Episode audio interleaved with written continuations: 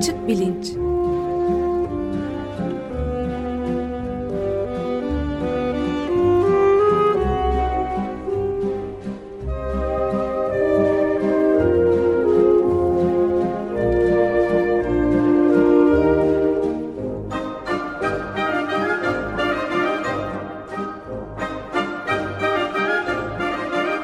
Güven Güzeldere ile bilim ve felsefe sohbetleri.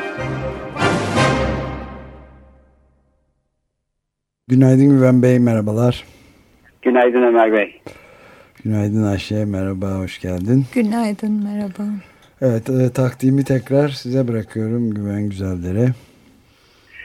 Tabii e, bugün e, sosyal politikalar konusunu ele alacağız. E, konuğumuz bu konunun uzmanı Boğaziçi Üniversitesi'nden Profesör Ayşe Buğra. Hoş geldin Ayşe. Hoş bulduk. Evet Ayşe zaten e, Açık Radyo'nun da dinleyicilerinin yakından bildiği programcı dostlarımızdan da biri aynı zamanda.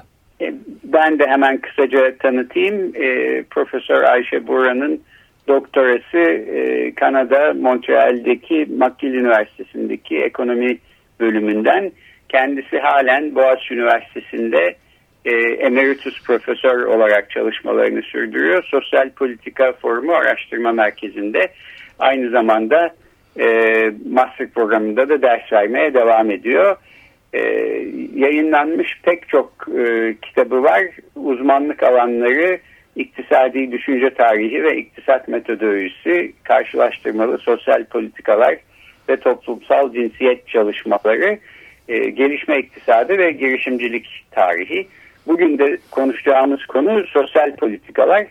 E, sosyal politikalar konusunu herhalde iki şekilde en azından ele almak mümkün diye düşünüyorum. Bir teorik olarak akademik e, kısmıyla bir de belki pratik e, açıdan uygulamaları e, açısından biz de aslında bir e, küçük seri yapalım diye düşündük. Bugünkü programda e, sosyal politikalar konusunun e, teorik kısmını e, ele alacağız.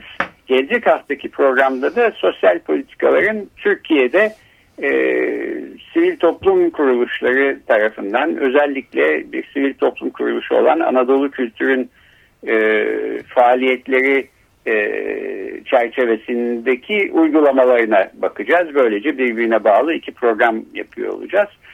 Ayşe istersen şöyle başlayalım. E, sosyal politika nedir ve tarihsel olarak e, sosyal politikaların e, hem ortaya çıkışı hem akademi içinde e, üstünde çalışılmaya başlanması e, ne zamana denk geliyor? E, akademide hangi alanlar sosyal politikalar üzerinde e, çalışıyorlar. Belki buradan başlayıp daha sonra sosyal politikaların eşitlik ya da eşitsizlikle, yoksullukla, istihdamla alakası nedir? En e, merkezi olduğu konular herhalde bu buralara doğru e, ilerleyelim. Evet. E, ben sosyal politikanın akademik alandaki akademik çalışmalardaki biçimiyle uygulamadaki uygulamadaki biçimleri arasında çok büyük bir ayrım yaparak düşünmüyorum e, konuyu. E, yani çok iç içe geçmiş e, konular bunlar. Hem uygulama hem akademik çalışmalar bu konudaki. E, başlangıca gidersek, tarihsel olarak bakarsak herhalde 16. yüzyıla gitmek lazım. E, erken kapitalizm, Avrupa'da erken kapitalizmin yükselişi. Ve bu buradan başlayarak düşündüğüm zaman iki türlü düşünüyorum ben. Aklıma iki şey geliyor. Bir tanesi modern bir toplumda e, insanların tanımadıkları, kendileriyle e, akrabalık bağı olmayan, komşuluk, tanışıklık bağı olmayan yabancılarla birlikte yaşadıkları toplumlar ve bu toplumda insanlar nasıl birlikte yaşar, toplumun bütünlüğü nasıl korunur? Bu soruyla ilgili bir alan sosyal politika. Bir bunu düşünüyorum. Bir de e, Marx'ın kapital tanımını düşünüyorum. E, Marx kapitali bir ilişki diye tanımlar. Kapital bir şey değildir. Yani para değildir, e, üretim araçları değildir. Kapital bir ilişkidir nasıl bir ilişkidir? Ee, yaşamak için emeğini satmak zorunda kalan mülksüz bireyle ki özgür emektar buna malum e, üretim araçlarını elinde tutan dolayısıyla e, bu emeğini satmak zorunda kalan insanın emeğini satın alan kapitalist arasındaki ilişkidir der. Şimdi e, bu ilişkiyi düşündüğünüz zaman e, insanın aklına şu geliyor. Bir insan emeğini satamazsa hasta olduğu için, işte yaşlı olduğu için, engellilik durumu olduğu için, işsiz olduğu için e, bu tür durumlarda ki bunları sosyal risk durumları diyoruz. Bu tür durumlarda emeğini satamazsa bu insana ne olur? Şimdi e, hiçbir toplum yani ne kadar gaddar olursa olsun, ne kadar e, işte katı e, ilişkiler e, görülen içinde bir toplum olursa olsun hiçbir toplum buna e, emeğini satamazsa ölür o zaman diyemiyor. Sosyal politikada bu noktada devreye giriyor. Yani sağlık politikasıyla giriyor, çalışma hayatını düzenleyen kurul, kurallarla giriyor, e, emeklilikle giriyor, asgari gelir desteğiyle olduğu yerde giriyor ve bütün bunların bütününden ortaya çıkan bir alan bu. Ve ilk belki ortaya çıktığı yer yoksulluk sorunuyla ilgili. İlk sosyal politika metinleri arasında ben mesela e, e, e Juan Luis Rives diye bir e, yazarın e, 16. yüzyıl humanistinin e, Yoksul Yardımı diye bir kitabı var. Onu hatırlarım. O belki sosyal politikanın ilk metinlerinden biri sayılır. Ondan sonra daha sonraki yüzyıllarda kapitalist toplumlarda farklı biçimlerde karşımıza çıkıyor. Mesela Kapital'in birinci cildinde iş gününün süresiyle ilgili mücadeleyi hatırlarsanız o kısmen sosyal politika alanında yürütülen bir mücadele. Yani işte 14 evet, saatlikten başlayıp gidiyoruz. E, bugün e, sosyal politikalar üstünde çalışan insanların başında belki senin gibi iktisatçılar geliyor ama yanı sıra felsefeciler, sosyologlar, e, belki siyaset bilimciler de e, bu alanın içinde e, çalışıyorlar. Buradan yola çıkarak herhalde interdisipliner bir çalışma alanı olduğunu da söylemek Hı. mümkün. Bugünlerde sosyal politikalar üstüne çalışan insanlar, sosyal politikanın eşitlikle, yoksullukla, istihdamla ilişkileri konusunda ne gibi e, kuramlar geliştiriyorlar? E, hangi görüşler e, ortalıkta? E, şimdi e, en çok iktisatçılar çalışıyorlar. E, özellikle iktisatçıların çalıştığı bir alan demek ne kadar doğru bilmiyorum. Yani politik iktisatla evet çok yakından ilgili ama siyaset bilimiyle de ilgili, sosyolojiyle de ilgili. Yani dediğiniz gibi çok interdisipliner bir alan, tam anlamıyla interdisipliner bir alan ve çok farklı yaklaşımlar barındıran bir alan. Çok farklı biçimlerde. Tabii bir takım teknik konular var. Hani işte e, sosyal sigorta sistemlerinin çalışışıyla ilgili, vergi sistemleriyle, harcamaların aldığı biçimle bunlarla ilgili çok teknik konular var ama yaklaşımlar çok farklılaşabiliyor. Ee, ve sadece disiplinlere bağlı yaklaşım farkları değil bunlar. Daha çok siyasi diyebileceğimiz farklar ve bu farkların belki de en önemlileri eşitlik konusuyla, adalet ve eşitlik ilişkisiyle ilgili farklılıklar. Ee, şöyle e, bir şey söylenebilir belki. Hani bütün sosyal politika yaklaşımlarında, kimin yaklaşımı olursa olsun, bütün sosyal politika yaklaşımlarında bir adalet, sosyal adalet kavramı var. Yani o sosyal adalet anlayışı e, doğrultusunda biçimleniyor farklı sosyal politika yaklaşımları. Fakat bu adalet anlayışı her zaman eşitlikle birlikte gitmiyor. Eşitlikle birlikte gitmiyor. Yani belki aradaki farkları düşünürken farklılık eşitlik ilişkisini düşünmek lazım. Şimdi bazen ön plana çıkan soru e, farklı insanlara nasıl davranılması adil olur sorusu. Yani e, birbirinden farklı insanlara e, değişik alanlarda yaş farkı olabilir, zeka yetenek farkı olabilir, statü farkı olabilir. Bütün bu farklılıklarıyla birlikte sosyal politikalardan faydalanan insanlara nasıl davranmak adil olur evet, sorusu. Cinsiyet farkları da. Tabii tabii, tabii. etnik önemli. farklar, etnik cinsiyet farkları hepsi bu farklılıklarla birlikte nasıl olur? Şimdi burada e, herkese eşit davranmak diye bir şey yok pek çok yerde. Bazı yaklaşımlarda mesela statü farkı çok ön plana çıkıyor. E, geleneksel toplumlarda bu her zaman böyle. Yani e, nerede doğmuşsa insan, nasıl bir e, aileden geliyorsa, kendisine nasıl bir hayat biçimi e, öngörülmüşse kaderi tarafından ona göre davranılması lazım. Şimdi bu geleneksel yaklaşım ama mesela korporatist dediğimiz modellerde, sosyal politika modellerinde ve yaklaşımlarında e, aynı şeyi görebiliyoruz. Hani mesela sağlık hizmetlerine ulaşımda memurlarla işçiler aynı e, durumda olmayabilirler ve bu adaletsiz değildir. Bu, bu söylenebiliyor. Bu, bu da modern toplumda ortaya çıkan bir şey, farklılık bakışı. E, liberal toplumlarda mesela liyakat kavramı çok ön plana çıkıyor. Birisi daha zeki ise, daha yetenekli ise, daha çok çalışıyorsa tabii ki onun hakları farklı şeyden değişik tanımlanır. Öyle olmayan birinden değişik tanımlanır ve burada bu hakların eşit dağılımı diye bir şey söz konusu değildir. Buna karşılık mesela muhafazakar yaklaşımı düşünürseniz orada ihtiyaçtır öne çıkan kavram. Yani statüde değil, liyakatta değil, ihtiyaç kavramı. Yoksullara el uzatmak gerekir. Yoksullara, muhtaçlara el uzatmayan bir toplum adil bir toplum değildir. Burada da söz konusu olan eşitlik değil.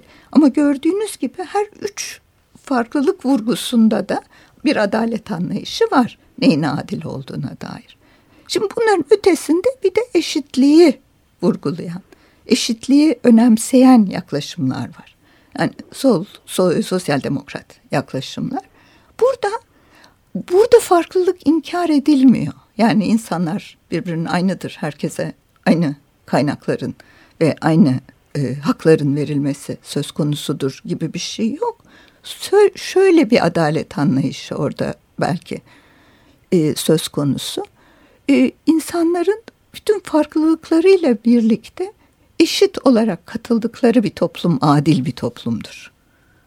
Şimdi bu, bu tür bir adalet anlayışı eşitlikle bağdaşan bir adalet anlayışı.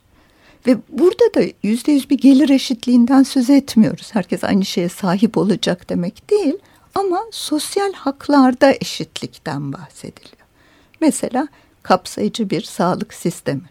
Herkesin e, olabilecek en üstün kalitede sağlık hizmetlerine eşit koşullarda e, ulaşabilmesi. Eğitim hakeza. Herkesin çocuğunun iyi bir eğitim alabilmesi. E, toplu taşımacılık. Herkesin kullandığı bir toplu taşımacılık sistemi. Ama aynı zamanda engellilerin de yararlanabileceği bir toplu taşımacılık hizmeti. E, kadınların durumunda evet kadınların çalışma hayatına katılma hakkı ama bunun yanında onun getirdiği kadınların farklılığı dikkate alınarak kreş hizmetleri gibi. Yani böyle bir adalet anlayışı da mümkün sosyal politika yaklaşımında. Ama dediğim, dediğim gibi buradaki farklılıklar her şeyden önce siyasi farklılıklar. Dünya görüşü farklılıklar. E, yani şunu diyebilir miyiz? O halde her sosyal politika uygulaması e, eşitlik veya eşitsizliğe aynı e, şekilde yaklaşmıyor. E, bir kısmı belki eşitsizliği ortadan kaldırma amacını güderken e, yine sosyal politika uygulaması olarak kabul edebileceğimiz işte bağışlar ya da lütuflar ya da bayramdan bayrama e, yoksullara yapılan yardımlar e, bu tür e, eşitsizliği ortadan kaldırma gibi bir güdüme sahip olmak zorunda değil. Dolayısıyla sosyal politikalar böyle çok geniş bir çerçeve içinde eline, ele alınabilir. E, daha dar e, şekilde e, bakmak için siyasi güdümünün nerede olduğunu da incelemek gerekir. E, böyle anlıyorum anlattıklarından. E, evet. Doğru mu yaklaşık olarak? Evet farklı yaklaşımlar var. Farklı yaklaşımlar var hepsinin dediğim gibi hepsinin gerisinde bir sosyal adalet anlayışı var. Eşitlikten ne anladığımız da aynı şey değil her zaman. Yani e, eşitlik de çok farklı tanımlanabilecek bir kavram. Yani dediğiniz gibi gelir eşitliği de olabilir bu ama sosyal hizmetlere eşit ulaşım diye tanımlanabileceğimiz bir eşitlik de olabilir. E, yani çok önemli bir e, e, düşünür vardır. E, Refah Devleti'nin, İkinci Dünya Savaşı sonrasında Refah Devleti'nin kuruluşunun teorik temellerine çok büyük bir katkı yapmış. Marshall, T.H. Marshall. T.H. Marshall e, e, bir vatandaşlık statüsü tanımlar. Vatandaşlık statüsünde eşit olmak kavramıyla gelir ve o vatandaşlık haklarına bağlı bir şey bu tabi. Sivil haklar, siyasi haklar ve aynı zamanda sosyal haklarla tanımlanmış bir vatandaşlık statüsü tanımlar. Ve bu statünün e, gelir eşitliğinden daha önemli olduğunu söyler. Gelirler farklı olabilir ama e, o vatandaşlık haklarındaki eşitlik hayata geçebilir sosyal politikalarla der. Bu mesela bir e, belirli bir siyasi duruştan gelen bir yaklaşım. Benim şahsen çok anlamlı bulduğum bir yaklaşım. Vatandaş geliri de bunun bir parçası olarak ele alınabilir mi? Oraya kadar gidebilir tabii. Vatandaşlık gelirine de gidebilir. Ama vatandaşlık gelirini tabii bu yaklaşım tek başına düşünmez. Evet, evet. Bu yaklaşım vatandaşlık gelirini sağlık haklarıyla, emeklilik haklarıyla, Eğitim. eğitimle birlikte düşünür. Yani yoksa vatandaşlık hakkı e, dediğimiz şey vatandaşlık geliri dediğimiz şey çok mesela e, sağ liberal ya da muhafazakar bir çizgide de düşünebilirsiniz. Onun için orada soracağınız soru anahtar soru yanında ne veriyorsun? Evet. Evet. Yani vatandaşlık hakkı vatandaşlık gelir çok güzel. Yanında ne veriyorsun? yanında ne veriyorsun? Çok evet. doğru. Evet ben de bir parantez olarak ekleyeyim. Bu vatandaşlık geliri konusu aslında hayli derin bir konu. Bununla ilgilenenler e, Ayşe Hoca'nın Çağlar Keyder'le birlikte derlediği bir kitap vardı. Temel hak olarak vatandaşlık gelirine doğru başlıklı. Ona bakabilirler. E, peki ben o zaman e, son e, soruya getireyim konuyu. Önemli bulduğum bir soru. E, sosyal politika uygulamalarını gerçekleştiren e, kurum ya da kurumlar kimdir, kim olmalıdır? E, devletin olduğunu haliyle görüyoruz. Fakat e, bu alanda rol oynayan tek kurum devlet midir? E, diğer kurumların e, işte ailenin, piyasanın daha önemlisi sivil toplum kuruluşlarının e, sosyal politikaların e, belirlenmesi, geliştirilmesi ve uygulanmasındaki rolü nedir? E, çünkü bu soru bizi gelecek haftaki programımıza da bağlayacak. Evet tabii bu, bu da şey e, uzun bir soru. Cevabı uzun bir soru ama e, çok kısaca cevap vereyim. E, e, sosyal politika e, alanında önemli rol oynayan tek kurum tabii ki devlet değil. Bunun yanında piyasa ve aile de her zaman bir rol oynuyor. Yani piyasanın da bir, bir rolü var. E, mesela şey tartışabilirsiniz. E, belirli hizmetlerin sadece devlet tarafından karşılanması gerekmeyebilir eşit vatandaşlık hakları için. Piyasa karşılar, e, finansmanını devlet yapar. Dolayısıyla herkes aynı hizmete ulaşır ama hizmeti sunanın mutlaka devlet olması gerekmeyebilir. Tabii bu tartışmalı bir konu. Bu olur mu olmaz mı faydalı mıdır e, sürdürülebilir mi konuları var. Ama şimdi sosyal politika alanındaki uygulamalara baktığınız zaman bunu da görebiliyorsunuz. Devlet de var finansör olarak e, ama sunucu olarak da mesela e, özel okul olabilir, özel kreş olabilir ama finansmanını devlet sağlar. Evet. Dolayısıyla herkes eşit koşullarda ulaşabilir. Aile çok önemli tabii. Aile çok önemli bir kurum. Yani devletle ailenin ilişkisi nedir sosyal politika alanında? Bu da çok belirleyici bir soru. E, ailecilik diye bir laf var e, literatürde, sosyal politika literatüründe çok kullandığımız e, ailecilik. E, şimdi aileciliğin de biçimleri var. E, Sosyal Politika Forumu'ndan e, bizim arkadaşımız Başak Akkan bu konuda çok çalıştı ve onun çalışmaları çok önemli. E, şunu görüyoruz aileciliğe baktığımız zaman. Şimdi e, Türkiye'de geleneksel olarak e, eski bizim sos, e, refah rejimimizi düşündüğümüz zaman, eski sosyal politika ortamımızı düşündüğümüz zaman çok geniş bir kesimin e, zor durumlarda bu sosyal risk durumları dediğim işte hastalık olsun, yaşlılık olsun, engellilik olsun e, bu durumlardaki insanlara verilecek desteğin aileye bırakıldığını görüyoruz. Çok geniş bir kesim için, herkes için değil ama yaşlılara aile bakar, hastalara aile bakar. Böyle bir anlayış. Birisi işsiz kalırsa aile desteğiyle ayakta durur falan gibi.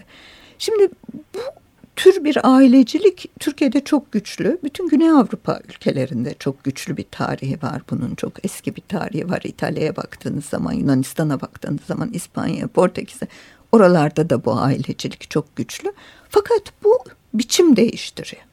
Yani mesela bugün Türkiye'de gene aile çok önemli. Ama ailecilik aynı ailecilik değil. Ee, Başak Akkan söylediğim ona e, devlet destekli ailecilik diyor mesela o kavramı kullanıyor.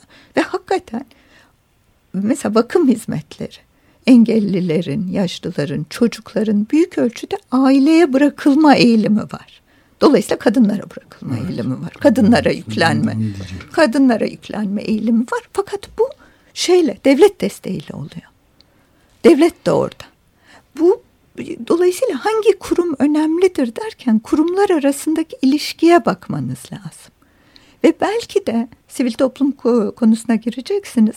Ona bir başlangıç olarak şunu söyleyebilirim. Burada da sivil toplum, sivil inisiyatiflerin devletle nasıl bir ilişki içinde çalıştıklarına bakmak lazım. Yani benim faydalı bulduğum sosyal politika alanında kültür biraz daha farklı. Anadolu kültürden bahsettiniz. İşte Anadolu kültür var, İKSV var, işte bu tür e, kuruluşlar var.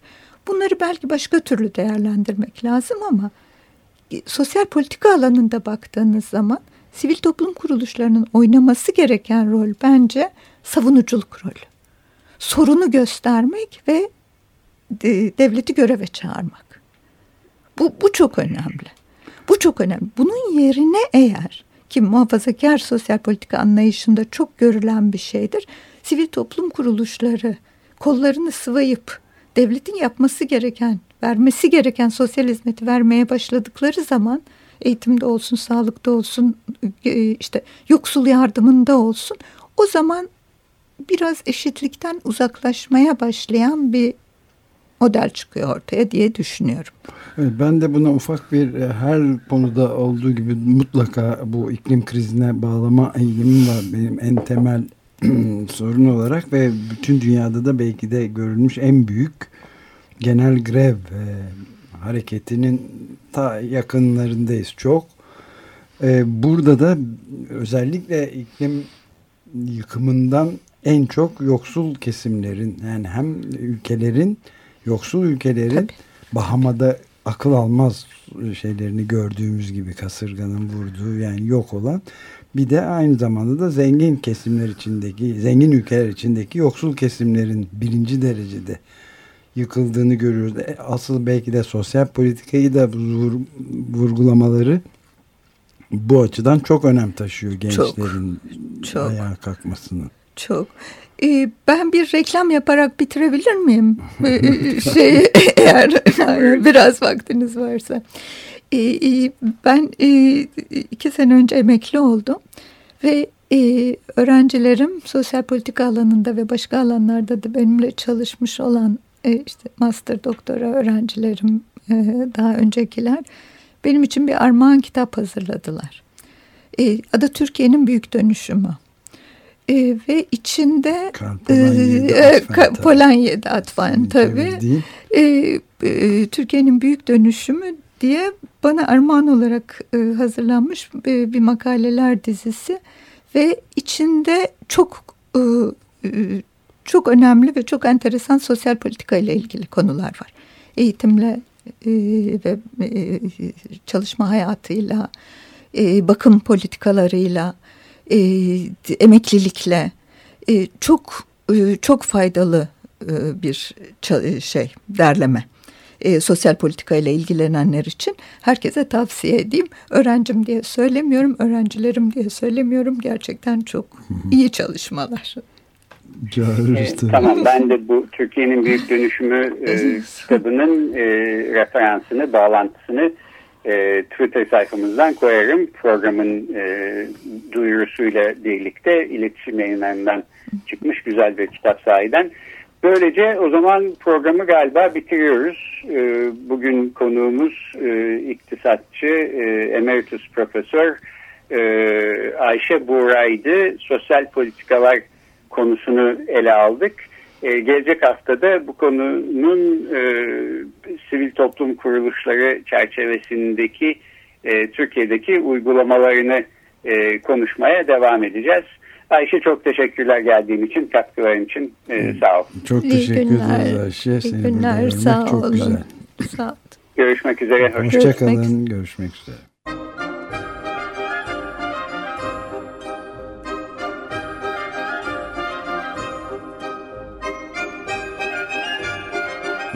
Açık Bilinç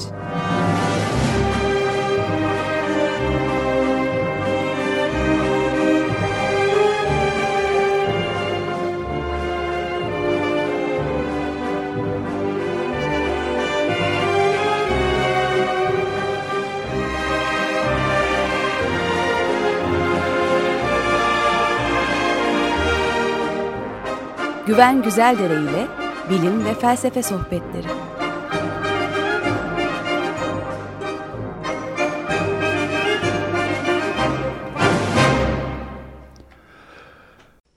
Açık Radyo program destekçisi olun. Bir veya daha fazla programa destek olmak için 212 alan koduyla 343 41 41